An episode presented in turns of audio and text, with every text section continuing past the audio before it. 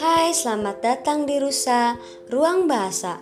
Dalam ruangan ini, kamu akan menemukan berbagai hal menarik mengenai bahasa. Nah, pada episode perdana kali ini, kita akan membahas mengenai afiks pada suatu berita. Berita yang akan kita bahas berjudul Berkantor Senen.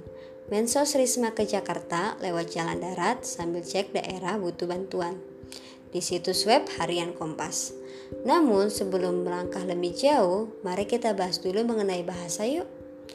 Bahasa merupakan alat komunikasi yang paling efektif yang digunakan manusia untuk berkomunikasi. Bahasa yang paling efektif untuk menyampaikan gagasan, pikiran, maksud, dan tujuan kepada orang lain. Bahasa itu memiliki ragam bahasa loh. Menurut media pengantarnya, bahasa dibagi menjadi dua, yaitu ragam bahasa lisan dan ragam bahasa tulisan. Lalu jika dilihat dari situasi pemakainya, terbagi menjadi tiga, yaitu ragam bahasa formal, ragam bahasa semi formal, dan ragam bahasa non formal. Lalu bagaimana ya dengan berita yang akan kita bahas? Berita yang akan kita bahas merupakan ragam bahasa tulis. Lalu dia masuk dalam ragam bahasa formal, non formal, atau semi formal ya.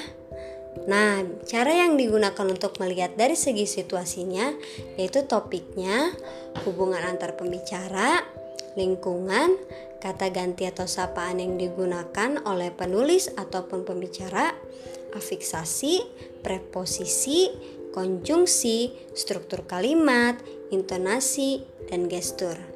Nah, pada episode kali ini kita membahas dari segi afiksasi. Kita berfokus pada afiks dalam berita yang akan Lalu kita bahas. Apa sih afiksasi itu? Afiksasi merupakan pembubuhan afiks pada suatu kata. Afiks diklasifikasikan menjadi empat jenis, yaitu prefiks, sufiks, infiks, dan konfiks. Afiks yang ditempatkan di bagian depan suatu kata dasar disebut prefiks. Misalnya, kata dasar jual diberi prefiks di menjadi dijual. Selanjutnya, afiks yang digunakan di bagian belakang kata disebut sufiks. Misalnya, kata bantu diberi sufiks an menjadi bantuan. Selanjutnya, afiks yang diselipkan di tengah kata dasar disebut infiks. Lalu ada gabungan prefiks dan sufiks yang membentuk suatu kesatuan dinamakan konfiks. Misalnya, kata dasar butuh diberi konfiks me dan k. Maka menjadi membutuhkan. Berdasarkan berita yang kita bahas, ditemukan tiga jenis afiks, yaitu prefiks, sufiks, dan konfiks.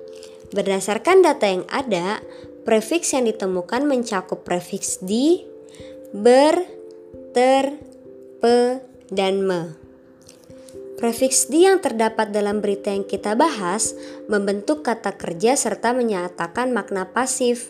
Contohnya kata di wawancara memiliki kata dasar wawancara. Wawancara merupakan nomina dan diberi imbuhan di menjadi diwawancara. Di wawancara merupakan kata kerja. Lalu ada prefiks ber. Prefiks ber yang terdapat dalam berita yang kita bahas memiliki beberapa makna. Ada yang bermakna melakukan sebuah tindakan yang terdapat pada kata berkemas, bersiap, berencana. Lalu ada makna yang menyatakan suatu keadaan yang terdapat pada kata berakhir. Lalu ada prefiks ter pada kata tersebut yang membentuk kata kerja pasif. Lalu ada prefiks pe yaitu kata pelaksana. Kata pelaksana memiliki makna sebagai pelaku tindakan dari kata dasar. Selanjutnya ada prefiks me yang terdapat dalam berita. Pada berita tersebut, prefiks me memiliki makna melakukan tindakan, yaitu pada kata mengecek, menunjuk, dan mengaku. Setelah prefiks ada sufiks. Sufiks yang ditemukan pada berita yang dianalisis yaitu sufiks an dan nya. Penggunaannya ditemukan pada kata tuturnya. Lalu penggunaan an ditemukan pada kata bantuan dan pada kata sekalian. Jenis afiks yang terakhir yang ditemukan ialah konfiks. Konfiks yang ditemukan di antaranya mekan pada kata mengatakan, melakukan, membutuhkan, menggunakan, memerlukan. Lalu ada mei pada kata memulai dan melalui. Lalu ada peran pada kata perjalanan, kean pada kata kemungkinan, beran pada kata beralasan, dikan pada kata dilakukan, pengekan pada kata pengecekan, peran pada kata persiapan, kean pada kata keperluan. Pada berita yang dianalisis tidak ditemukan penggunaan afiks non baku seperti penggunaan prefiks n dan penggunaan prefiks nge serta penggunaan sufiks in.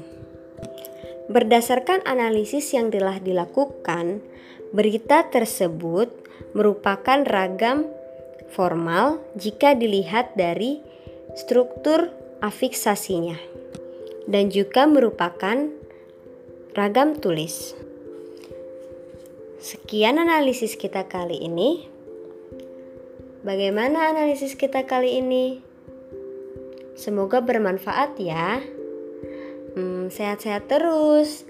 Ditunggu podcast selanjutnya. Bye bye.